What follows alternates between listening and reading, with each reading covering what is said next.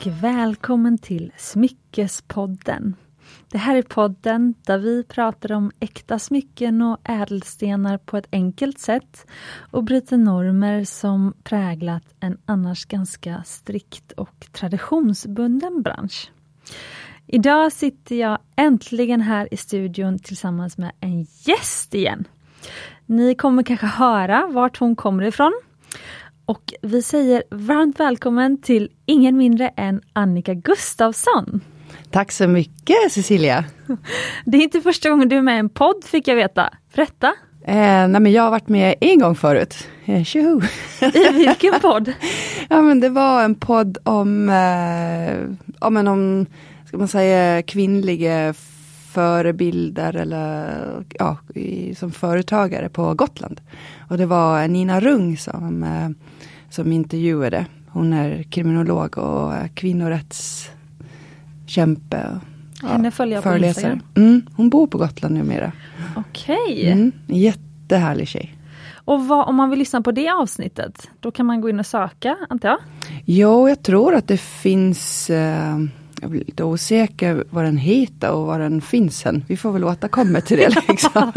jag kan skriva det på Instagram. Ja precis, för att göra. vi får ta det sen. Mm. Men berätta, du har rest hela vägen från Gotland mm. hit till poddstudion i Stockholm. Ja.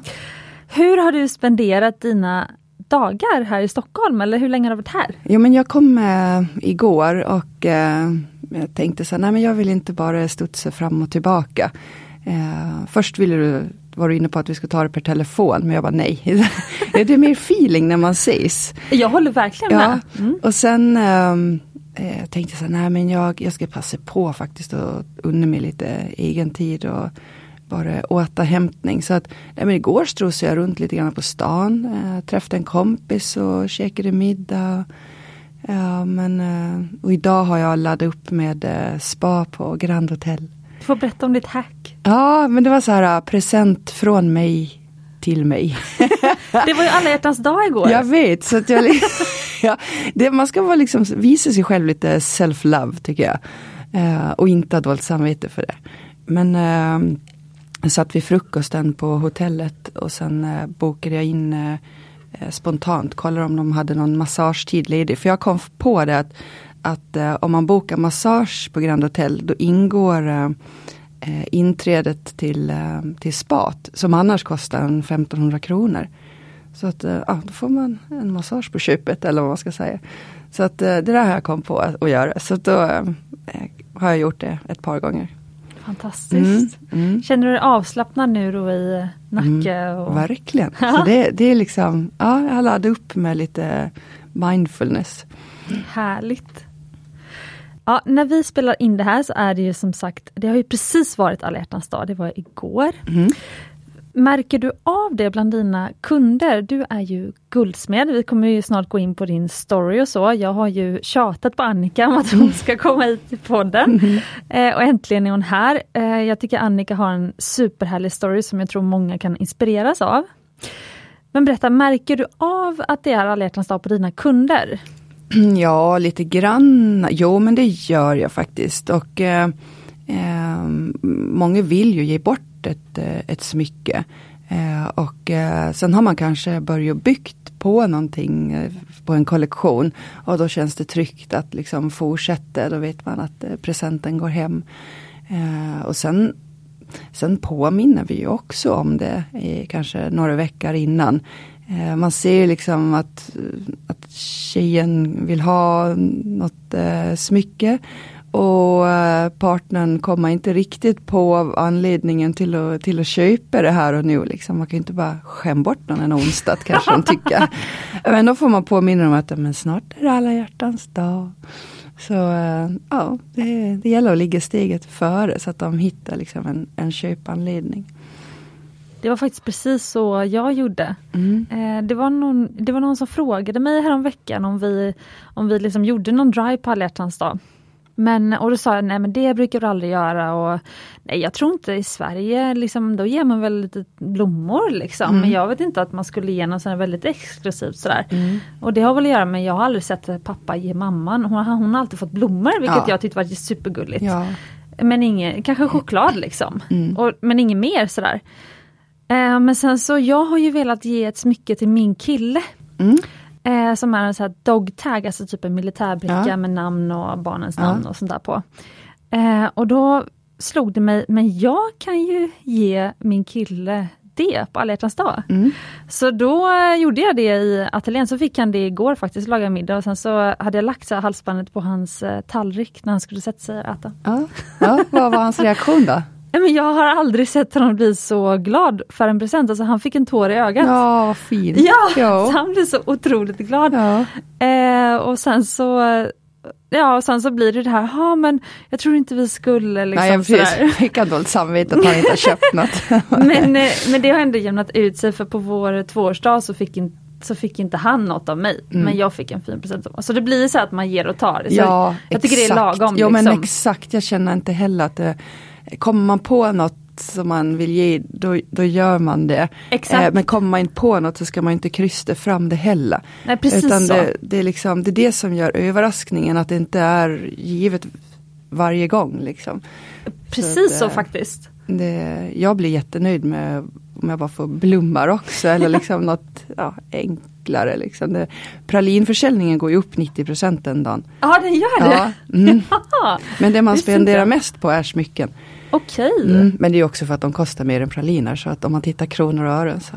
Ja, Mm. men jag läste ju, eh, du är väldigt aktiv på Instagram, så Mm. läste jag igår på din post att du skulle äta middag med en kompis som aldrig gillat alla hjärtans dag. Nej, ständig singel. Ja, det är det, ja, okej. ja, hon hatar den här dagen då. Blir påmind om att hon är singel. så, att eh, då tänkte jag att, eh, och därför jag också åkte upp dagen innan. Jag tänkte, ja men min man och jag, vi har varit ihop i 20 år. Alltså jag måste inte eh, vara hemma på alla hjärtans dag. Du kanske saknar att vara singel. Ja, så, så jag eh, tänkte, men hon, hon kan få min tid. Ja, Mm. fint. Mm. Ja, härligt. Men du har ju som sagt en väldigt spännande story. Mm. Och eh, jag tror att det här avsnittet kommer inspirera många av er där ute. Både så här på ett kreativt plan, här om drömmen om att leva ett mer kreativt liv. Som Mm. jag i alla fall upplever, det får vi höra nu då om du tycker att du gör, men Ja. det är i alla fall det jag ser. Ja. Eh, men även företagsmässigt. För att Annika har ju verkligen lyckats bygga upp ett, ett så häftigt företag tycker jag. Så jag tycker vi ska dyka in i din historia Mm. om hur du gick från att vara ekonom till att bli, flytta till Gotland och bli guldsmed. Mm. Mm. Jag är från Gotland. Ja, det hör Men flyttar tillbaka. det hörde till och med jag att du var från. Gotland. Nu får köra så här, översättning, kan man, kan man köra podd med text? Ja. Ingen som förstår vad jag säger. Nej, men jag är göteborgare så, men folk förstår mig också. Jag vet inte om det. Ja. Ja. Eh, men eh, det, du, var, du, bod, du flyttade ju till gott tillbaka när du blev guldsmed, när du gjorde Ja. det. Ja, precis. Precis. Sådär. Så att okej, men är du redo då? För då, nu kör vi igång Mm. då. Mm. Prata om dig själv. Mm. Ja, precis. Är ni redo som lyssnar? Nej, men eh, jag eh, är, eh, ja, jag var ju ekonom, jag jobbade som det i finansbranschen i ungefär 10-12 år. Det började liksom bara att jag kom hem från Australien på en långresa och behövde jobb. Och sen så, så liksom har jag arbetat mig upp där och eh, ja, men fastnade liksom i, i ekorrhjulet. Tio år går ganska fort. Och ehm, jag hade väl liksom en, eh, alltid en tanke när jag var mindre om att jag skulle bli egen företagare. Eh, jag läste mm, tidningen Chef sedan jag var 12 år. Oj! Ja, men så här, min pappa var någon så mellanchef och eh, han aldrig läsa den på arbetstid. Eller tog sig inte tid att göra det. Och eh, tog med dem hem. Eh, men han läste dem inte hemma heller utan den som läste dem var jag. Och eh, då var det så här små notiser om olika saker, bland annat det som du har, glugg. Då stod det att den som har glugg tjänar mer pengar. Står det. Och Jag har ju flera gluggar, om Du har- pratar om mina tänder. Ja, exakt. Jag sa någonting du har. Eh, det stod där. Så jag kommer ihåg sen när jag var 12 år och var dags för eh, tandställning. Jag hade också glugg. Så jag, så jag fick in eh, ett lillfinger. Alltså mitt lillfinger var mindre då såklart. Men då sa tandläkaren, ja men nu är det dags för eh, tandställning. Och jag bara nej. Han bara, va? Ska du inte ha tandställning? Jag bara, nej jag ska bli rik. Mamma bara, ja ja, you heard her. Liksom, ingen visste var jag hade fått det ifrån. Men sen, sen eh, växte den där ihop av sig självt och i takt med det så insåg jag också att, att eh, om det är drivkraften så lever man inte ett rikt liv. Så ehm, jag, eh, nej jag hade som dröm att bli egenföretagare och eh, också jobba med händerna. Mm -hmm. Jag hade kanske tänkt att jag skulle bli så massör eller naprapat eller någonting sånt där. Men hur som helst så fastnade jag i liksom finansbranschen. Jag jobbade som teamledare där och hade team på ja, uppemot 30 personer. Okay.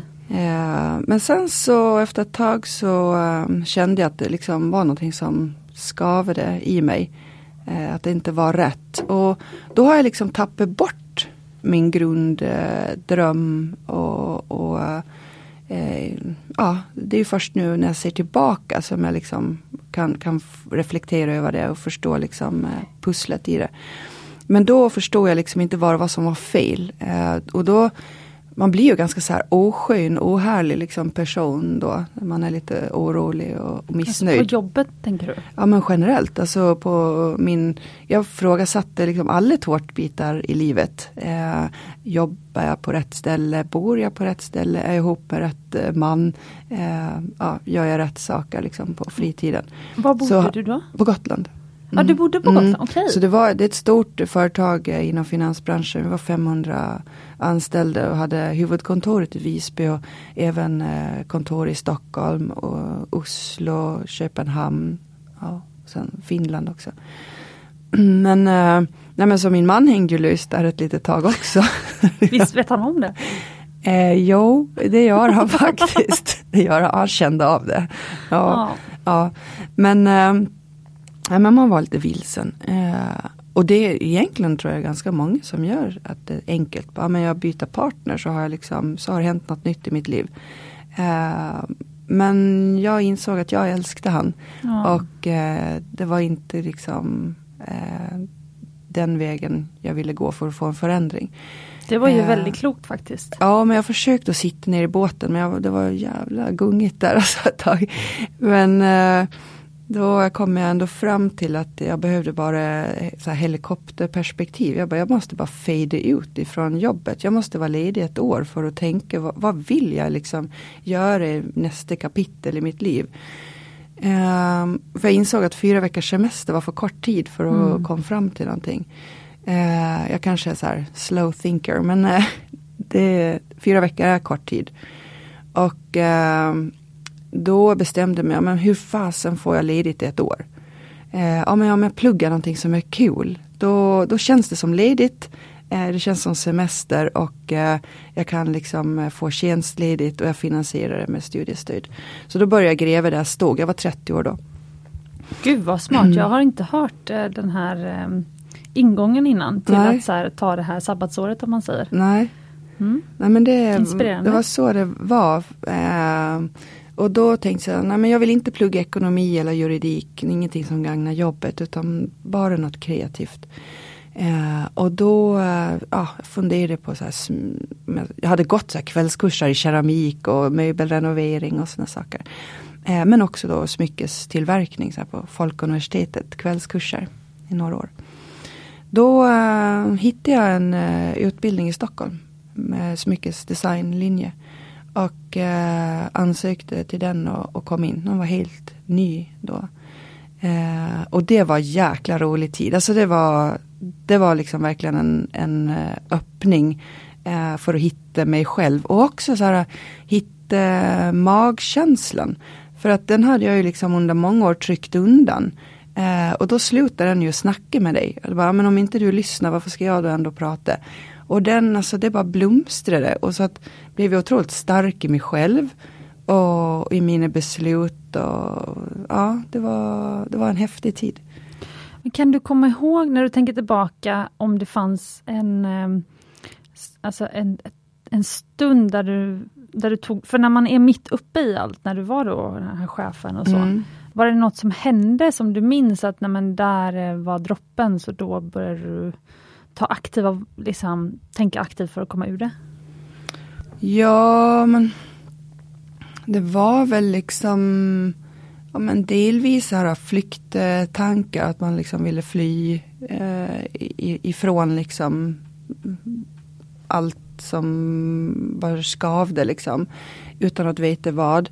Men det var också så här att jag insåg, ja men ska jag söka annat jobb då? Ska jag liksom, nej jag, jag kunde liksom inte komma på något annat jobb jag ville jobba med. Eh, då var det väl någonstans i det som jag började tänka mer så här, ja men vad är det för, för egenskaper jag vill liksom eh, jobba med? Eh, för det, det, är så lätt när man Eh, vill jag, många tittar på mig och säger så här, jag ska också vilja göra någonting annat i livet. Tittar de så här drömst och, men jag vet inte vad. Men när jag inser att man gör fel, att man försöker hitta liksom eh, the final end, liksom vad, eh, vad är jobbet? Istället för att fråga sig själv att det jag gjorde, det var att eh, vad, vad vill jag göra? Vad, vad, vad är mitt liksom flow? Vad får, vad får en dag att bara sväva iväg? Ja men det är kanske mötet med människor, det är när jag får styra min dag helt själv, eh, när jag får jobba med händerna. Så, att eh, det var en, lite bara i det som, eh, som jag kokade ihop att, eh, ja, att jag ville liksom bara göra något kreativt mm. mer. Ehm, och jag, eh, nej men eh, det, det, var en ganska lång period, kanske så här två år som jag kände att det liksom var någonting som inte var, stod rätt till. Tålamod för dig som jag upplever ändå liksom är snabb på Jajamän. projekt att ja, hoppa på. Ja. ja. Men, eh, nej, men det var också för att det tar så otrolig tid att komma fram till någonting sånt. För att du sitter ju fast så himla hårt liksom i det här ekorrhjulet. Mm. Så att eh, du, det kommer liksom inte som en blixt ifrån klar himmel heller. Mm. Utan man gör massor så här osköna saker och hittar på liksom som ingen annan förstår vad man, vad man gör innan man liksom har blivit eh, liksom stabil i sina beslut. Och... Kan du se tillbaka nu på här, personen du var då och personen du är nu, alltså gentemot eh, mm. människor du möter och sånt? Jo, jo, alltså jag är eh, Jag känner mig så otroligt trygg i, i vem jag är som person. Eh, det, liksom, det rinner av mig om någon skulle liksom försöka säga någonting annat. Jag letar inte ens liksom vad andra tycker och tänker. Jag behöver inte bekräftelse liksom på, på det sättet. Så att eh, jag har väl all, alltid varit liksom no, trygg så liksom, down to earth liksom. Men, eh, men eh, jag springer liksom inte på, på andra bollar utan jag frågar mig själv vad jag vill. Jag, jag ser till att välja istället för att bli vald. Liksom. Mm. Fantastiskt. Men vad lärde du dig på smyckesdesignutbildningen? Det, den har jo, inte jag gått. Jo, det men du, alltså, framförallt en sak. Jo, jag lärde mig två saker. Att jag är skitdålig på att rita. Men alltså det, det visste jag innan. Alltså, så här, eh, vi, vi fick ha, vad heter det, sån här krokie varje måndag. Alltså det var, jag hatade det. Eh, för jag bara, vad ska jag ha det här till liksom? Eh, och den där människan som man målade av, jag fick liksom så här, ursäkta, du ser verkligen inte ut så här. För det var liksom en blandning mellan en grottmänniska och Homer Simpson. det var liksom inte min grej. Men eh, så än idag får jag be om ursäkt lite så här för kunder, att bara, nej men alltså, när jag ska skissa upp någonting, eh, jag, bara, jag lovar det kommer att bli bra i slutändan. det, ja, så att eh, det är liksom, det lärde jag mig att jag inte kan det. Men eh, sen kan man ju lära sig allt liksom. Jag har bara inte haft tålamod att, att göra det. Men eh, sen den andra grejen som var viktig tycker jag. Det var alltså, hur man hittar inspiration. Hur du kommer ifrån det här att liksom titta på andra eh, smycken och liksom kopiera. Ja, det får du gärna berätta. Hur, det är jättespännande ja. att höra om. Hur, vad fick ni lära för tricks då? Jo men alltså dels äh, fick vi mm, men till exempel äh, en uppgift att äh, rita av något köksverktyg. och så tog jag en, en gaffel och så ritar man av så som den ser ut. Eh, men sen så skulle vi också börja stretcha liksom att ritbara skuggen av den, ritbara mellanrummet, eh, sådana saker. Och sen så plockar du liksom element ur det och sen börjar du bygga ett smycke därifrån. Eh, men sen så, så knycklar de ihop vårat papper och så vad kastade de det. Så sa de det, de 20 första idéerna du ändå kokar ihop till ett smycke, det är sånt du tar ifrån ditt liksom, minne. Så att de bara, nu tar du ytterligare den och sen så stretchar du den eh, skissen eh, längre iväg. Liksom. Oj. Så det var liksom så att man kommer ifrån sitt eh, liksom, ramminne, eller vad ska man säga, ryggradens minnen. Mm. Så att eh, ja, men, eh, verkligen inspireras från andra saker, andra element. Eh, eh, jag tittar ju liksom idag, tittar jag mycket på skuggar när jag går, jag tittar på mönstret mellan staket. Alltså jag tittar mycket på mellanrum också. Mm. Eh, så att eh, hämta inspirationen från någonting helt annat än, än det man har sett. Liksom. Aha, okay. Sen kan man ju också liksom ändå, alltså kombinationer av mycket. Du kan ju hämta säkert element från det du har sett. Eh, men koppla ihop det i olika kombinationer så blir det en ett unik liksom, grej. Finns den här utbildningen kvar? Jo men jag tror det faktiskt. Det är via Folkuniversitetet som ligger här uppe vid eh, Observatorielunden. Eh, längst upp på Drottninggatan. Okay. Mm. Så då kan lyssnare gå in och googla Mm. upp på smyckesdesign där? Ja precis. Så det, var, ja, men det var jätteintressant för det, dels fick man ju lära sig att smida liksom, eh, i, i silver. Men sen också det som är guldsmide. Liksom att eh, det här eh, fin eh, liret och passformar. Och, eh, ja, det, det lille pillipillet. Ja, för sen gick du ju en hel guldsmedsutbildning. Jo, precis. Mm. Det var när det här året var eh, slut. Eh, när jag hade haft så himla roligt. Eh, det var ju också så här, den utbildningen var upplagd att man var, liksom bara gick tre dagar i veckan. Så att man skulle kunna ha kvar ett jobb också, jobba två dagar i veckan. Men jag valde faktiskt att inte jobba utan jag valde bara att vara helt liksom, ledig de dagarna och, och leva på studiebidraget, leva snålt. Så jag eh, jag lärde mig och jag gjorde mat, liksom storkok och käkade samma mat hela veckan och sådana saker. ja, det låter mer som så här ungkarl men eh, jag, jag, jag hade ett högre mål och det var liksom inte att äta liksom, varierad mat varje dag. Jag tycker Ehm. det är helt fantastiskt men jag tänker att en lyssnare som kanske sitter och lyssnar nu, alltså hur går man från, från att kanske då restaurangbesök och massa kollegor och vara en Mm. Ja, så här, identiteten av att liksom vara någon som folk visste vem du var och så vidare. Mm. Och sen så gå och liksom leva i s- studentkås i en annan stad. Mm. Ja men precis, det, var, det är faktiskt en intressant fråga för att jag gick ju back de första två månaderna. Det, man hade en chefslön och sen helt plötsligt eh, blir man eh, student på 10 000 i månaden. Så ska man betala hyra på det och resor och lite sånt där. Eh, nej men det var verkligen eh, att jag bara, nej men det här går ju inte, jag går ju back. Nu Ja. måste jag ju liksom se över det här. Jag har inte råd att gå back, liksom. jag hade inte något liksom, sparet sådär. Um, nej, då, då fick jag verkligen göra en budget. Eh, och det sköna var ju att jag behövde inte göra ja, med så mycket kläder. För när man jobbar på kontor och sådär, då vill man ju vara lite fin och följa liksom vår och höstmodet eller sådär.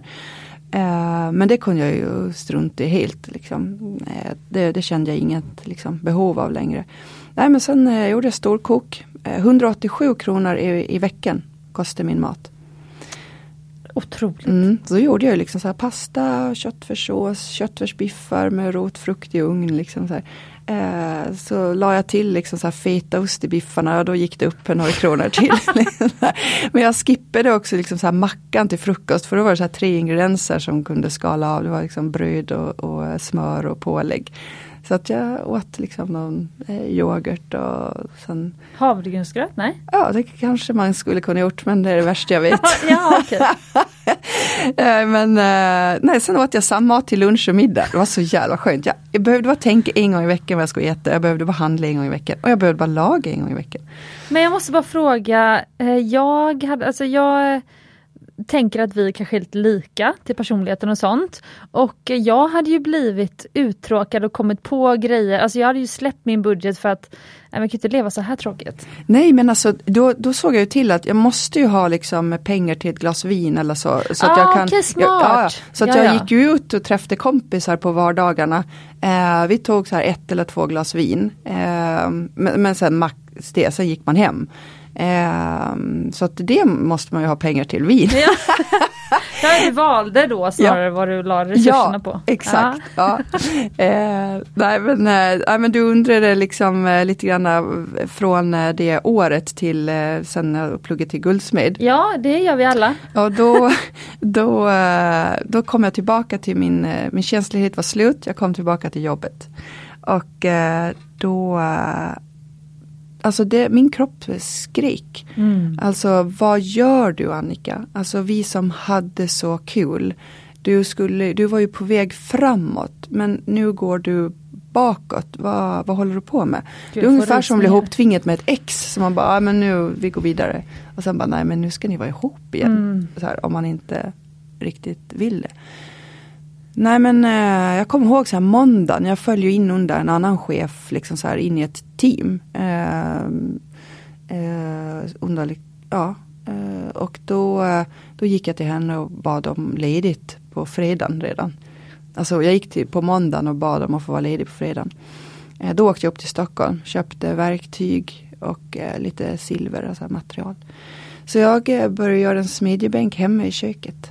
Mm -hmm. mm. Och så började det.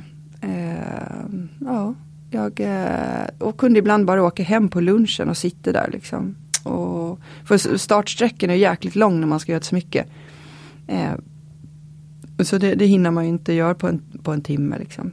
Eh, så att, eh, nej, där satt jag i mitt kök. Och sen eh, insåg att nej men det här, jag vill göra det här till, till mitt till ett yrke liksom. Och då, då vill jag satsa liksom all in.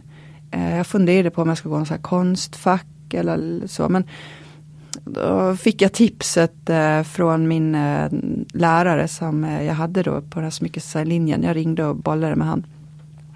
Och han sa då att han var, nej men konstfack det är bara en lång väg till arbetslöshet. alltså det finns många som har lyckats. Men han, tyck, han tyckte att sats på att lära dig hantverket. Eh, för då, det konstnärliga kan du bygga på ändå. Det var väl ändå klokt? Ja men det, det var det ändå tycker jag. För att han sa då kan du göra alla typer av jobb. Eh, ja för om, då kan man ju alltid göra reparationer om det om det behövs, ja. även om du helst ville designa. Liksom. Ja men precis, och i början så, så har man hela det trädet liksom utspänt, sen börjar man kapa grenarna. Liksom. Men eh, nej, och då sa jag till min man att eh, efter att jag varit i Stockholm ett år så att du, jag drar igen. Fast den här gången till Köpenhamn. Och i fyra år. Och vad sa han? Tada! Nej men han eh, han, eh, han insåg ändå faktiskt att det här året hade funkat så himla bra.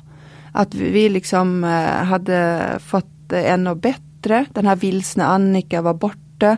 Eh, jag var liksom glad och, och, och, han insåg att det var ju liksom han jag kom hem till varje helg liksom. Så att, eh, nej men då, då tyckte han väl att det var ingen fara. Jag såg ju till att uh, skaffa en lärlingsplats i Stockholm. Så att uh, utbildningen till eh, uh, guldsmed i Köpenhamn, då är du där ja, men tre månader kanske per år. Uh, resten av den tiden är du eh, på året där du på din lärlingsplats. Så då, eh, då skaffade jag in i Stockholm för att lättare kunde pendla hem. Och hur var det de åren? Ja men de var också bara helt fantastiska. Det var så jäkla roligt. Eh, då, jag var ju typ äldst i klassen men eh, ja, barnsligast liksom. Hittade på massor liksom bus. Eh, men eh, men det var, det var kul och dels också så här, få vara i Köpenhamn i en annan stad. Eh, och också så här väldigt inspirerande stad. Mm. De är ju jätteduktiga danskarna på design. Ja, jag fick, eh, jag fick det berättat för mig att eh, de är så duktiga för att de har inga naturresurser som vi andra nordiska länder, eller på mm. samma sätt. Eh, så de var tvungna att liksom själva bli duktiga på att liksom skapa saker för mm. att liksom skapa export om man säger. Mm. Så därför är de duktiga på design. Jag vet ja. inte om det stämmer eller ja, inte. Ja men det låter ju mm. liksom eh, rimligt. rimligt. ja. Ja, ja.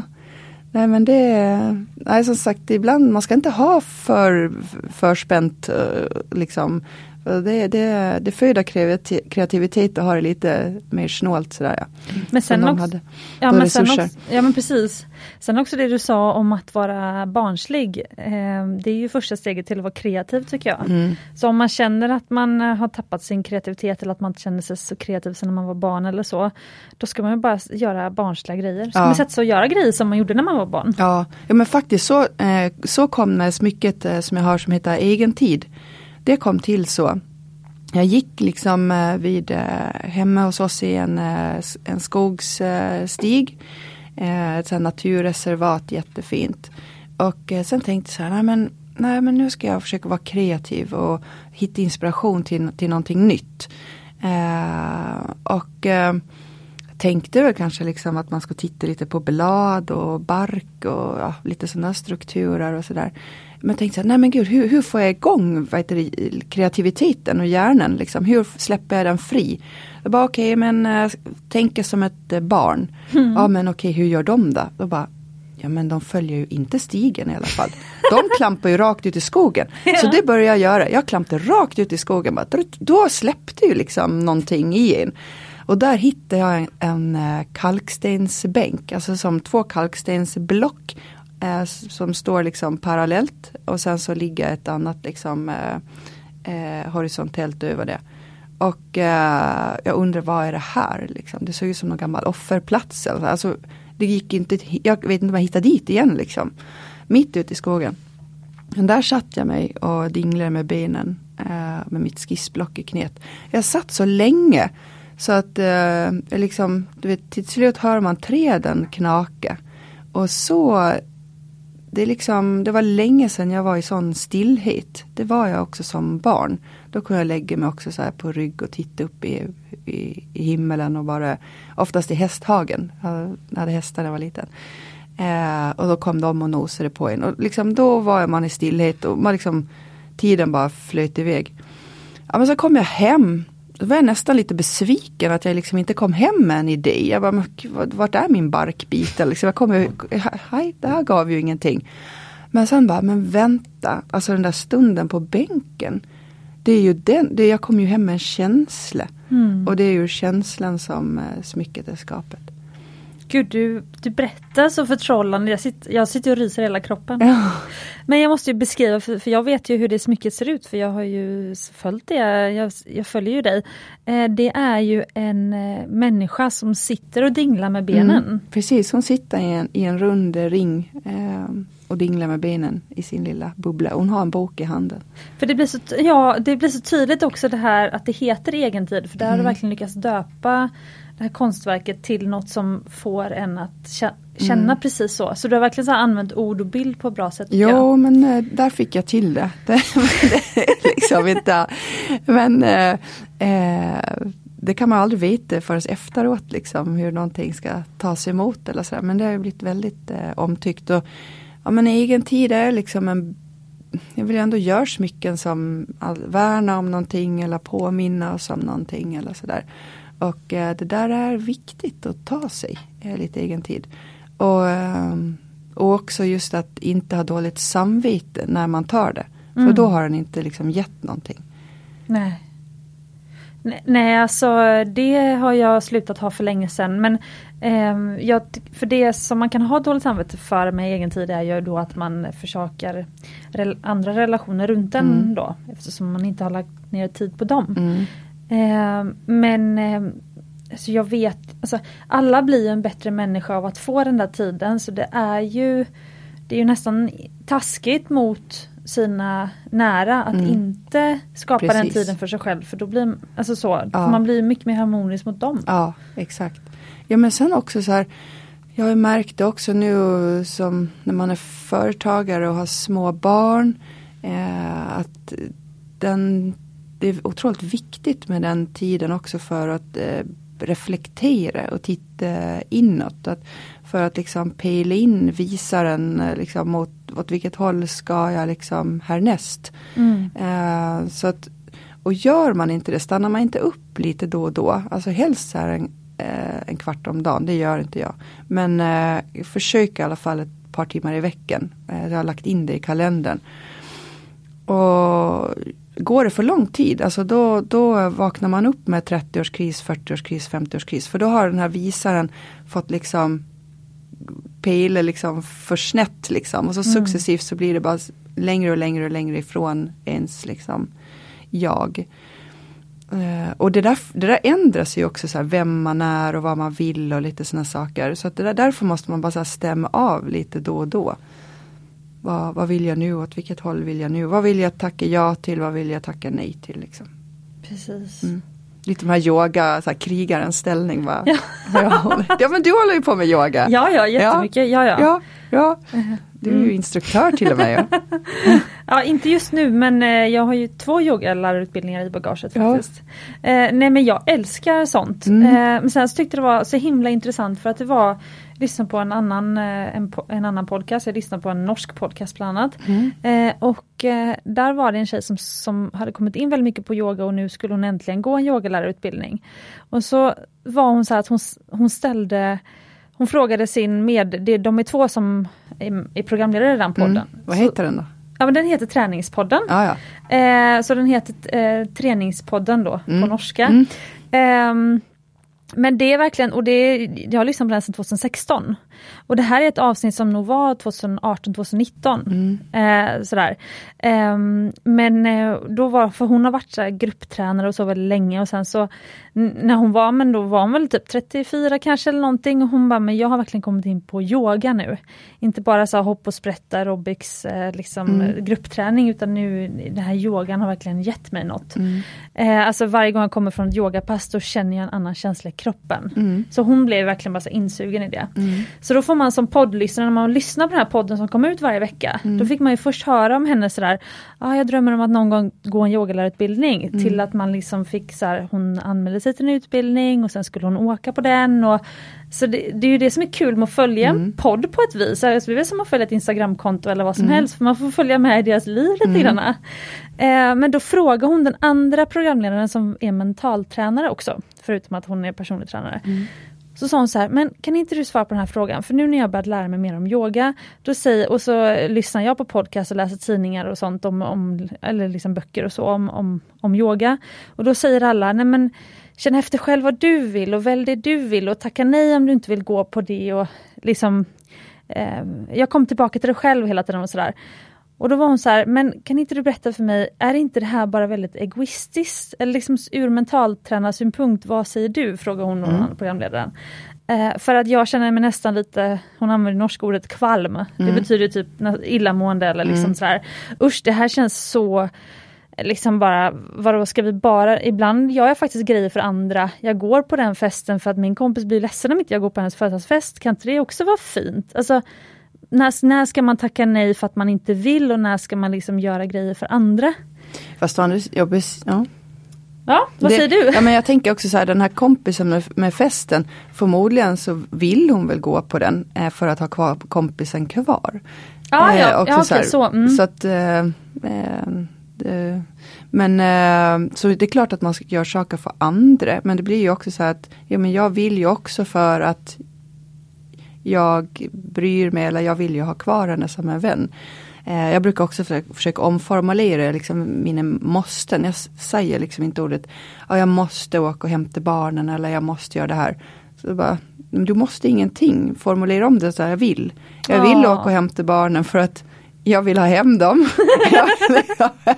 ja, men, jag, jag, liksom, jag, eh, jag vill laga mat för, ja, men, jag vill, ja, men alltså, Superfint! Ja, så att ordet måste existera inte i, i min värld. Eh. Det låter ju nästan som något som en eh, coach skulle kunna säga. Ja. Använd inte ordet måste, säg mm. jag vill. Mm, precis.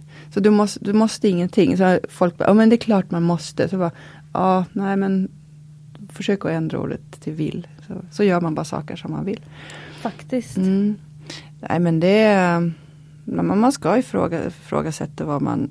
det som reflektion på det med din eh, podd, där du hade lyssnat på där. Det är ju också att vi styrs av rädslor. Det har jag kommit fram till också nu mm. jag har haft ett år liksom som har varit ganska stressigt ändå. Och då fick jag också så dra lite i bromsen och bara men vad var, typ jagar din egen svans. Eh, och då kom jag då eh, kom jag till insikt om vad stress dels är. Mm -hmm. Och det är så här osköna, pinsamma saker att erkänna att ett, alltså det är framförallt två saker. Det är ett, du tar dig själv på för stort allvar. Det är faktiskt sant. Två, eh, du är rädd för någonting. Oh. Eh, så då, det kan vara rädd att bli omsprungen, det kan vara rädd att tappa liksom eh, status. Eh, det kan vara rädd att eh, någon ska tycka illa om en för att man inte då kommer komma fast man har sagt det. Liksom. Alltså, vi är rädda hela tiden. Liksom. Vi styrs av rädsla liksom, mycket. Eller, ja, ja, det gör vi väldigt mycket. Så att där har jag liksom bara ifrågasatt, ja, men vad är jag rädd för då? Var, varför liksom jagar jag på mig själv här liksom? Eh, och börjar liksom deala med det. Att, eh, att eh, ja, bara försöka liksom se till att är skit i det liksom. Bara... Vad har du varit rädd för? Eller vad är du rädd för? Ja men det eh, Alltså när jag jobbade i finansbranschen och, och, den delen. Då var jag liksom inte rädd att bli omsprungen. Jag hade liksom ingen prestige eh, liksom alls. Eh, folk, jag kunde liksom rekrytera folk på samma nivå som mig eller högre och se till att folk växer och sådär. Och det, det vill jag fortfarande göra idag. Eh, men det var också för att jag hade ingen mål att vara chef. Eh, liksom så. Det här var liksom inte mitt eh, liksom, eh, enda mål i livet att vara. Eh, Fastän du läste tidningen Chef när du var 12? Ja men eh, då var det målet var att vara egen företagare. liksom, jag skulle, och jag lärde mig väldigt mycket om olika personligheter och sådana saker. Den, tidningen. Här.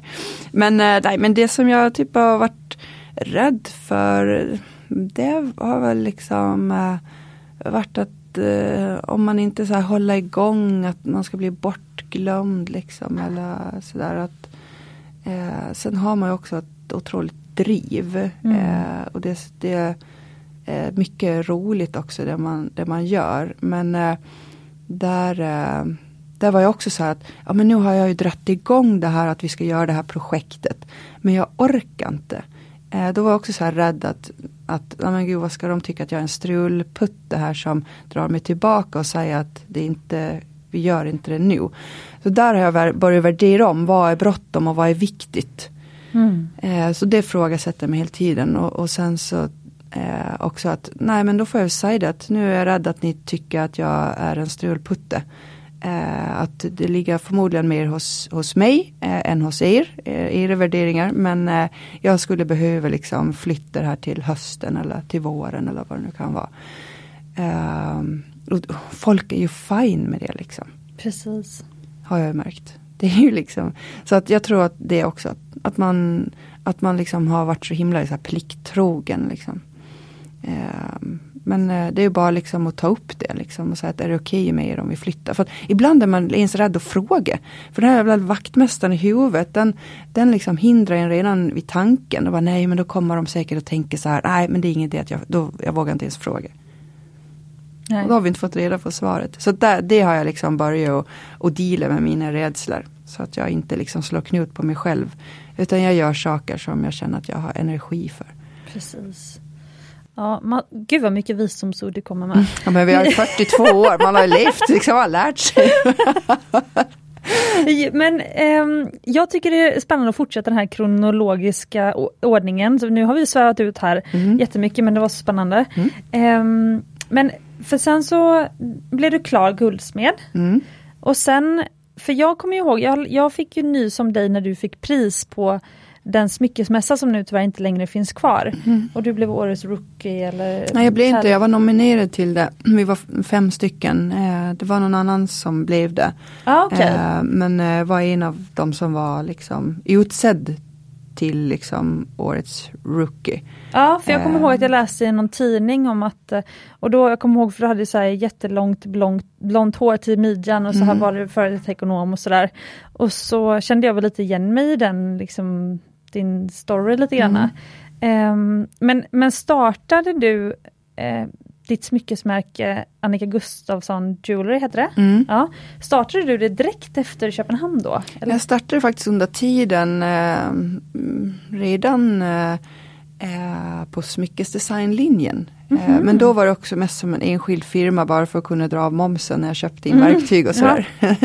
Ja. men så att det, det, var liksom ingen, ingen verksamhet så egentligen. Men sen under eh, Köpenhamn-tiden så började jag bygga upp det liksom lite smått. Eh, jag eh, såg till att få in smycke på designtorget, eh, bland annat den här egen tid. Det och, var ju eh, inte en liten bedrift. Nej, nej men det, ja, jag hade det som liksom så här, um, mål att ja, men på något vis göra en, en marknadsundersökning eh, gratis. Alltså tänkte jag, men kan, kan de sälja mina smycken så, så kan jag. Men gratis kan det inte ha varit i termer av, du måste ju lagt ner ett väldigt arbete ja, ja, absolut. på jobb. Men jag tänkte så här, marknadsundersökningar kan ju kosta mycket pengar att göra. Liksom. Eh, nej men alltså gud, jag la ju mycket eh, energi på det. Men det var också så här, jag byggde upp det väldigt så här organiskt. Att, ja, men, eh, jag, hade ju, jag kommer ihåg också, de har ju en, en typ 13 butiker och sånt där inklusive webben. Jag hade inte råd att ansöka om att, att finnas hos alla designtorg. Utan jag, det fanns en kategori så här 3 till 5, 5 eh, till 7. Ja, så här.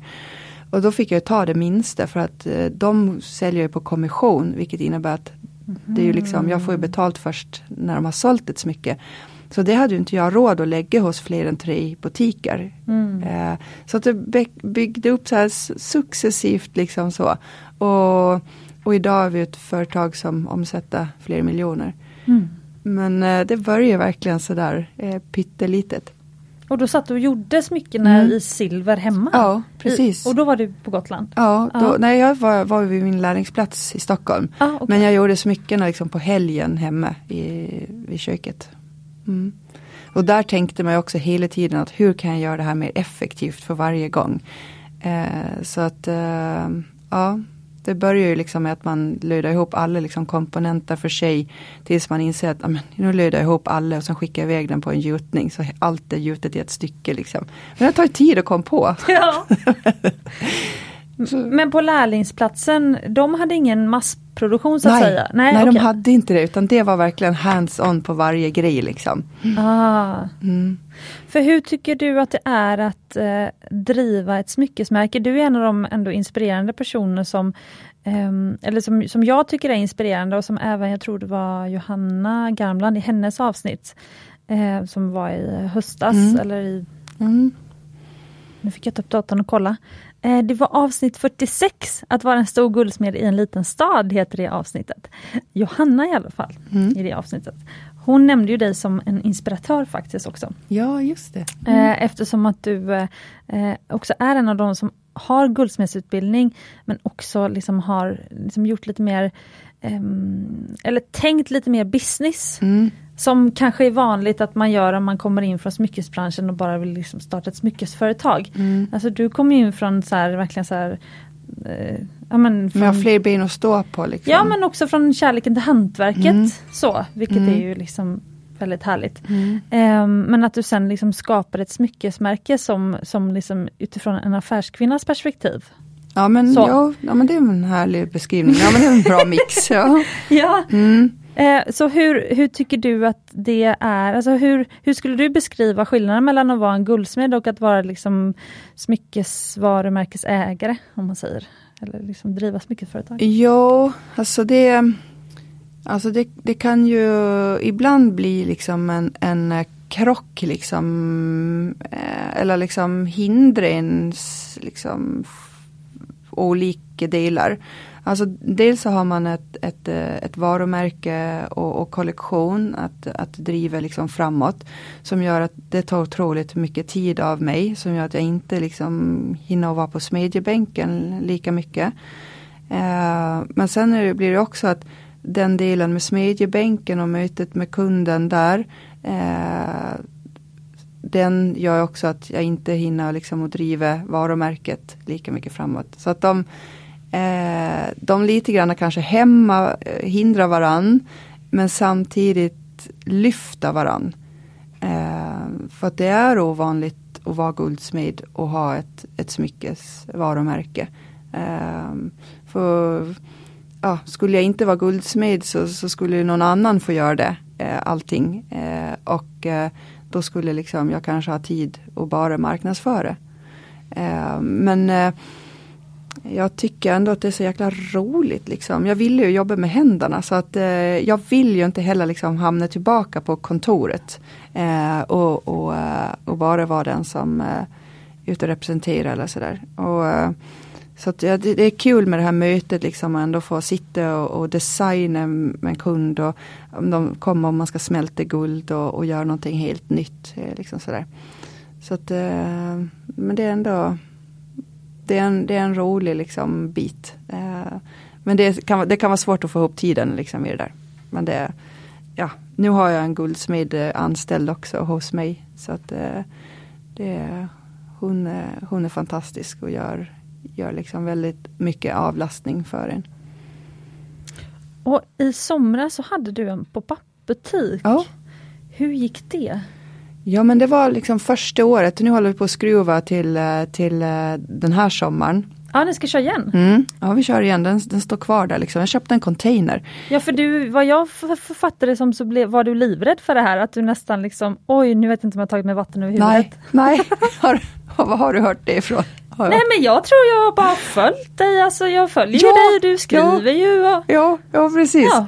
ja. men så var det, jag kan typ komma knappt ihåg det själv. Eh, ja, men, alltså jag vet inte, jag fick någon så här fläng idé. Jag typ sa till min man, ja nu ska jag ta det lugnt. För jag hade ju precis ett år, ja jag hade precis fått barn. Ett, liksom mitt andra barn. Och så sa jag till Hanna att ja, men jag ska ta det lugnt i år. Och sen så nästa kvart bara, jag ska köra en pop-up.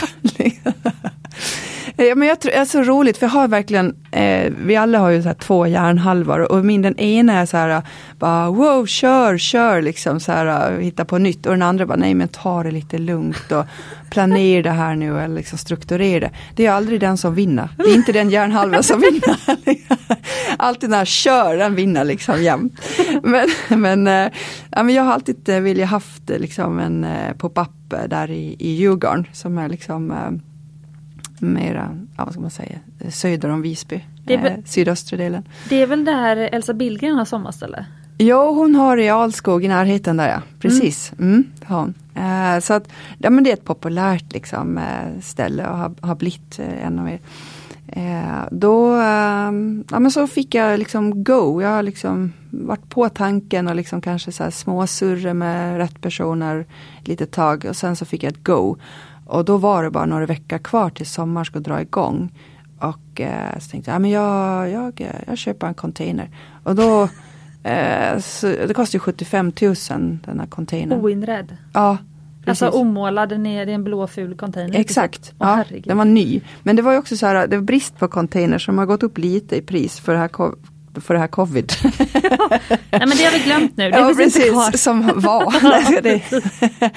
Eh, nej, men så här, stålpriset gick upp och det var liksom så här fraktarna och allting. Så här, ja, ja. Container var fast i Kina och USA. Så. Nej men i alla fall jag köpte en container. Och, eh, ja, och sen så eh, satte dit podier och lite sådana saker. Men det, det, vi ska göra till i år det är liksom att gå från att det ser ut som en monter till att det liksom ska kännas lite mera härlig butik eller liksom häng. Sådär. Det tror jag kommer bli superhärligt. Mm, precis, så att jag, eh, det gick liksom så här halvbra eh, första sommaren. Men jag var så här, nej men jag får vara nöjd med det för jag liksom, jag fick liksom dit containern och jag liksom fick det liksom, fick igång det. Uh, och personal? Den, och personal och, och liksom man måste också väga in olika liksom, aspekter, inte bara så kronor och ören. Utan jag hade också personal som var helt självgående där. Jag behövde inte lägga extra krut där. Jag kunde vara lite ledig med familjen också. Så att uh, det var också skönt. Så att nu skruvar vi lite grann. En arkitekt som har ritat en altan och lite sådana saker. Oh, wow! Mm. Det, för det bästa betyget är ju att du vill göra det igen. Ja. Eh, alltså att det känns rätt i magen. Jo, jo. nej men det var mm, nej, men det var mycket så om och men och, och tiden var knapp liksom. Och, eh, hitta, hitta liksom personal. Alla var ju liksom upptagna, de har ju fått sommarjobb redan. Så att jag fick jag sa så här till mig själv på onsdagen att om jag, om jag inte har löst det till på söndag, då skiter jag i det faktiskt. Då, då ställer jag inte dit containern och så här. Eh, så ringer en tjej på fredagen, eller nej hon ringer på torsdagen och så bara, ja ah, men jag har hört att du behöver. Och eh, då, eh, jag bara yes liksom, hon, hon är lösningen. Nu, nu kör vi liksom så här. Och sen ringer hon sen på måndagen och, och säger att nej tyvärr jag kan inte, hon ska operera sig för någonting. Så här. Och det var en så här lång rehabilitering på det. Så uh, jag bara nej men det här är ju, då står jag där helt utan personal. Men det var någon typ så här, det låter som jag är så här mm. Men det var någonting jag tänkte så här, nej men stjärnorna har liksom sagt till mig att uh, hon var liksom den som lösningen för att säga att du ska köra. Ja, men hon, hon var i sin tur inte din lösning. Mm. Men liksom hon var ditt startskott för att säga att du ska köra. Liksom. Mm. Så att jag lyssnade på det, min personal bara, men hur kan du vara så lugn? Du står där utan personal. Jag bara, nej men jag har fått eh, ett signal om att jag ska köra det och att typ att det kommer att ordna sig. Men sen så sa jag till mig själv också att det ordnas inte per automatik. Nej, Annika, precis. gör någonting varje dag liksom för att ta dig fram. Mm. Eh, sa jag till mig själv. Eh, så kommer du liksom kommer det att gå bra. Nej men det var där, där, där, där kom liksom så idrottspsykologin eh, in eh, och fighting spiriten. Att, ja, gör någonting varje dag, då, då, då kommer du liksom nå målet. Exakt. Vilka kloka ord! Eh, det roliga är när jag sitter och kollar på mitt lilla halvmanus här, då har jag ju typ inte ställt, jag hade typ 20 frågor jag ville ställa. Eh, sen kanske man inte ställer alla för man vet inte vart samtalet går. Men alltså det här samtalet gick ingenstans åt det hållet jag trodde. det var så härligt. Ja, ja verkligen. Eh, det som jag ändå vill få med nu, för nu har vi pratat nästan en timme tror jag. Ja. Eh, och eh, jag känner att eh, vi får nästan ta ett till avsnitt med dig här, det var så mycket intressant att berätta. Ehm, men jag glömde ställa en fråga i början. Ja som jag alltid brukar ställa till gäster. Ja. Och det är eh, vad har du, berätta vad du har på dig för smycken idag? Ja, ja, ja. ja just och du det. har jättemycket smycken och jag sa till och med, ah, ta på dina favoritsmycken nu när du kommer till podden. Ja. Eh, men jag kommer lägga upp en video på alla de här fantastiska mm. eh, smyckena som du kommer berätta om nu. Eh, på Instagram för er som vill se. Mm. Men jag, mm, dels är jag inte, alltså det låter konstigt men jag är inte så mycket liksom för, för att ha så himla mycket smycken. På mig. Men det var inte därför jag blev hela guldsmed utan jag ville jobba med händerna. Mm. Eh, sådär. Så att, eh, eh, nej men eh, dels har jag lite smycken inspirerat från Gotland med knappkorall, avgjutning av det i både halsband och örhängen. Och den eh, eh, det är en fossil man kan hitta längs stranden som ser ut som en liten blomma nästan. Det har ju blivit som ett av dina signum. Ja men faktiskt. Ja, det har det. Smycken. Eh, och det var en korall när Gotland låg vid ekvatorn för mm. 450 miljoner år sedan. Eh, så att, eh, men sen så har jag ja, men lite andra mått och gott. Eh, den här ringen med massor små diamanter på. Det är liksom ett återbruk. Eh, det är liksom en eh, ja, eh, smält guld och sen så ja, gjort en ring av det. Men sen också den här fattningen. den bara smält jag ner guld i en eh, eh puckelanka. Mm -hmm. Det är liksom här, det ser ut som ungefär som en tärning och tänk att hålen på tärningen är olika gropar, alltså storlek på hål. Mm -hmm. Och så kan man forma det liksom i, i, i liksom konkava delar. Liksom. Men jag smälte bara rakt ner för jag orkade liksom inte forma det här till en, en skål och så löjde på en platta. Utan jag gjorde den massiv och bara så, klart. Eh, quick fix, jag skulle bara ha den till mig själv. Men ja. det blev jättebra, så bara lödde jag på den och så prydde med eh, eh, diamanter. Men den är tung då? Ja, ja alltså lagom. Mm. Den, den håller inte på att snurra jättemycket. Liksom. Men 37 små diamanter. Eh, och sen har jag eh, några klackringar. Jag har egentligen aldrig varit eh, så här för att göra smycken med text. Men eh, jag kände någonstans att eh, vilja göra någonting så som så stärkande budskap eller ja, men får en att tänka liksom eh, kring livet eh, som man kanske vart man är eller vart, vart man vill. Eh, så på den ena står det shit happens. Det är för att påminna mig om att bara rycka på axlarna mm. åt saker.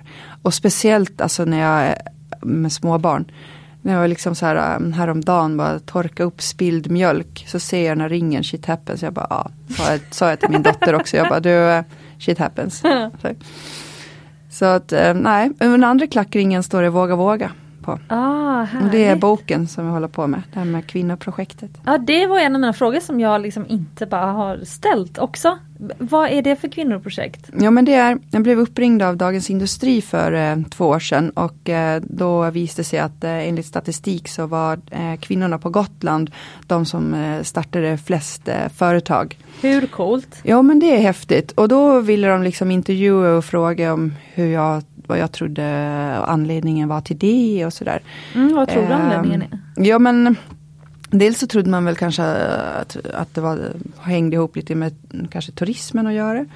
Men eh, sen också att, eh, att eh, vi liksom är inte heller så styrda av eh, eh, prestige, alltså pengar. Vi är inte så noga med vad det står på våra visitkort. Vi är liksom lite mera livskonstnärer sådär. Så, och det stämmer liksom när man, eh, när man börjar titta närmare på det här. Eh, dock inte liksom med turismen, för det har inte så mycket med det att göra faktiskt. Men eh, nej, så då bestämde jag mig för att göra en bok. Jag tyckte att det här var ju så coolt. Och var, dels blev man så himla stolt. Och sen så kände jag att men det här kan ju också inspirera andra. Eh, vem vill inte lära sig av de som är bäst? Eh, kan, kan de så kan vi liksom. Och det är ju också lite grann det som är företagande. Det är ju smittsamt. Eh, och, och kvinnligt företagande känns liksom häftigt så också för det blir lite, ja men kan hon så kan, kan jag. Eh, och vi är ganska många sådana liksom på, på Gotland. Och eh, vi, vi liksom kanske så här, eh, tar plats, hörs och syns, blir inbjudna på olika saker. Så att då, då blir det också synliggjort. Eh, så ska man bara jobba i do, det dolda då, är man ju ingen, in- då är det svårt att inspirera. Eh, Så då bestämde jag mig eh, att jag ska göra en bok om eh, hundra eh, kvinnor. Åh herregud vilket Ja. projekt. Jag vet men alltså i, i min hjärna då bara, men det går ju fort. Alltså allt går ju väldigt fort i huvudet och sen inser jag bara, "Grr, det här var ju, det tar ju tid. Det tar två år. Men skrev du allt själv? Nej, nej, för tusan. Jag eh, hade då en anställd hos mig som heter Kajsa Gyllgårde. Hon är eh, copywriter, eh, skriver texter, har jobbat på L Magazine och flyttat till Ah. Gotland och jobbar för liksom olika magasin och, och hon har jobbat för Destination Gotland på deras Mm. PR-avdelning och sådär. Så hon jobbade halvtid hos mig för att liksom eh, få lite vingar i sin andra halvtid i sin business. Jag har haft eh, några sådana som har velat testa på sitt eget företag och sen har de jobbat halvtid hos mig för att få lite trygghet Mm. i inkomsten och sådär. Och det har jag tyckt så här, ja, ja, men jag tycker det är ett bra pussel liksom och hjälper folk sådär liksom. För jag vet om att de kommer inte vara hos mig forever utan de är bara där för att bli flygfärdiga i sitt liksom. Bra så- folk har man till låns. Jo exakt, jo men faktiskt och då får de skava av sig lite grann i mitt business-tänk och sen så använder det i sitt och så flyger de. Så vinkar vi hejdå. Ja, vad fint. Ja men och hon, då var hon där och jag, då sa jag vi ska göra en bok och hon bara ja. Eh, så hon har fått skriva allt det där.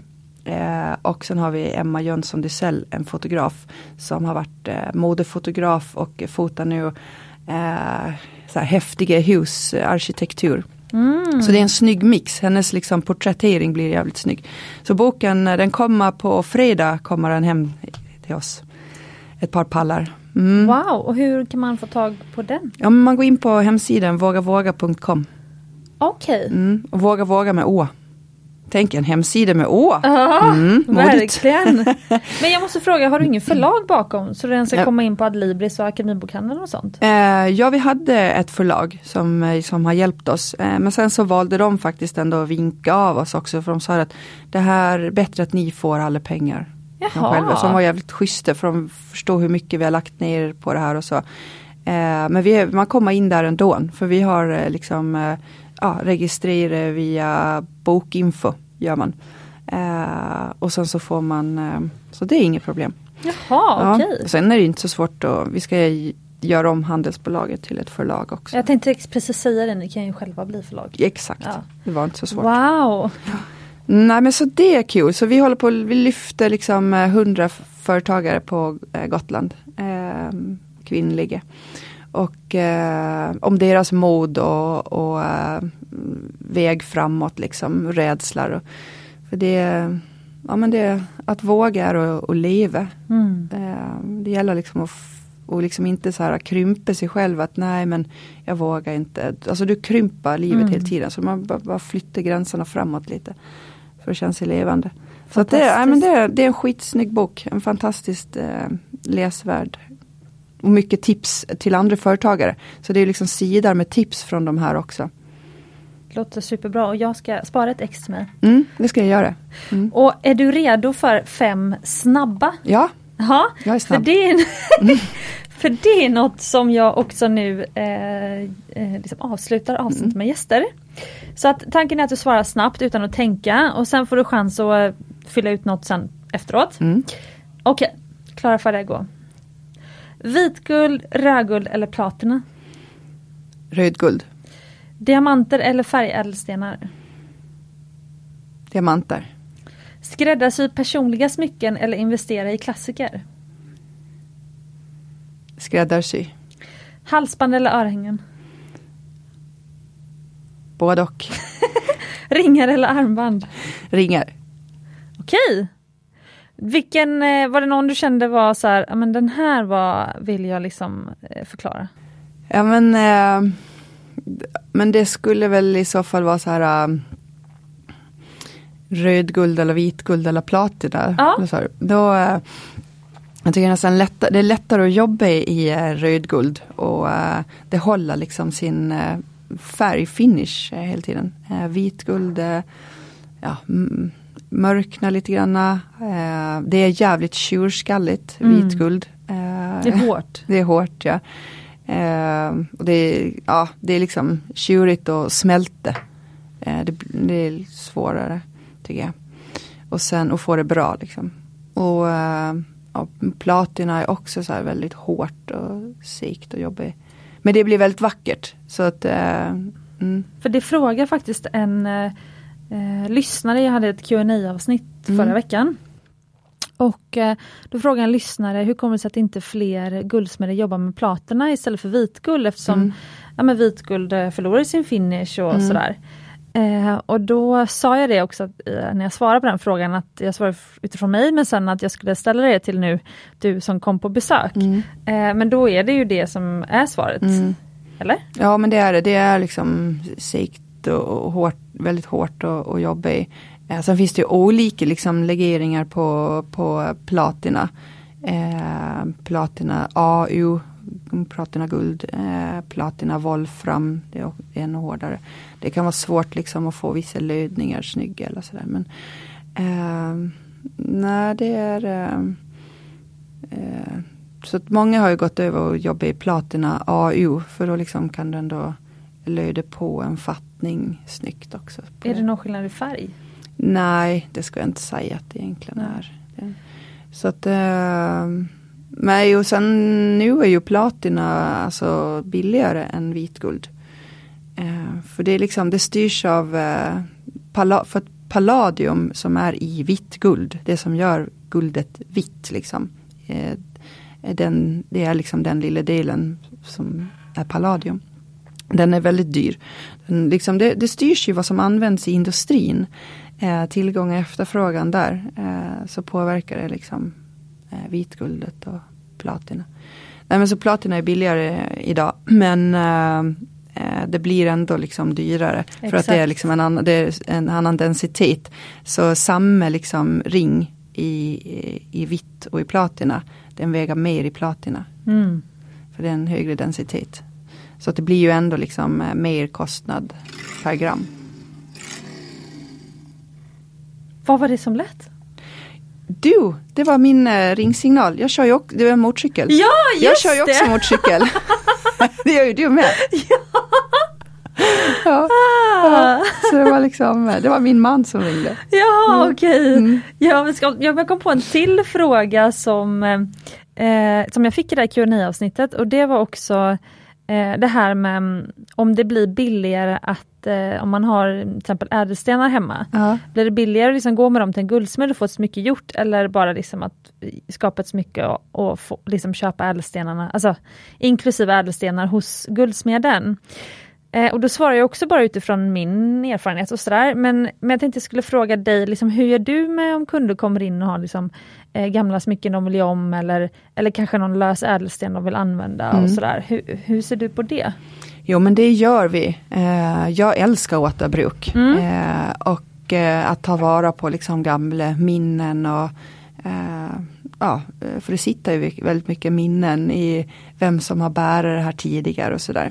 Så att eh, men det gör vi liksom. Eh, jag vet ni pratade om tidigare också med Johanna också det här om att vara försiktig med man, man vågar ju liksom inte, man, man får vara tydlig med att, eh, att det kan gå sönder och att det inte är liksom på vårat ansvar då. Eh, och det, för det vet man ju inte heller liksom, när man tar bort någonting. Alltså det, kan, det kan finnas spänningar i en, i en ädelsten och även diamanter kan spricka. För att du kan ha slått emot så här eh, hundra gånger men 101 så spricker den. Så att eh, det, det kan byggas upp liksom spänningar i det. Och eh, det där får man ju förklara liksom innan. Eh, men eh, det är väldigt sällan, vi brukar ju också så här skriva när man eh, vi fattar inte in stenarna själva, man skriver till stenfattaren att det här är en kundsten så att då vet de att de ska vara extra försiktiga för då går det inte att få tag i en exakt likadan kanske. Nej. Så att, eh, nej men jag, jag tycker ändå faktiskt att det är roligt. För ibland kan det, en design gör också att, en, att den svävar iväg tack vare att man utgår ifrån en sten. Mm. Så lite det också det här med som vi pratar om hur man lär sig att vara kreativ. Alltså då, då utgår man kanske från det elementet, liksom den, den ädelstenen, eller dem, hur man ska pussla ihop dem. Mm. Eh, och då blir det ett helt unikt smycke. Eh, så att, eh, sen klart eh, kan man ju ta Börjar putsa bordet här. sen kan man ju ta vad heter, det, idéer som man liksom redan har har, har liksom gjort eller har i sin butik och, och liksom eh, ska man säga, plocka in eh, kundens stenar i det.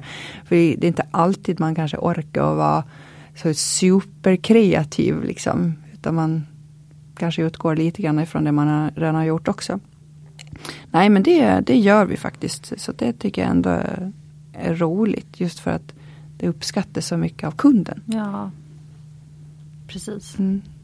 Och om man vill komma i kontakt med dig nu, eh, eller ditt företag, och sådär, Mm. hur gör man då?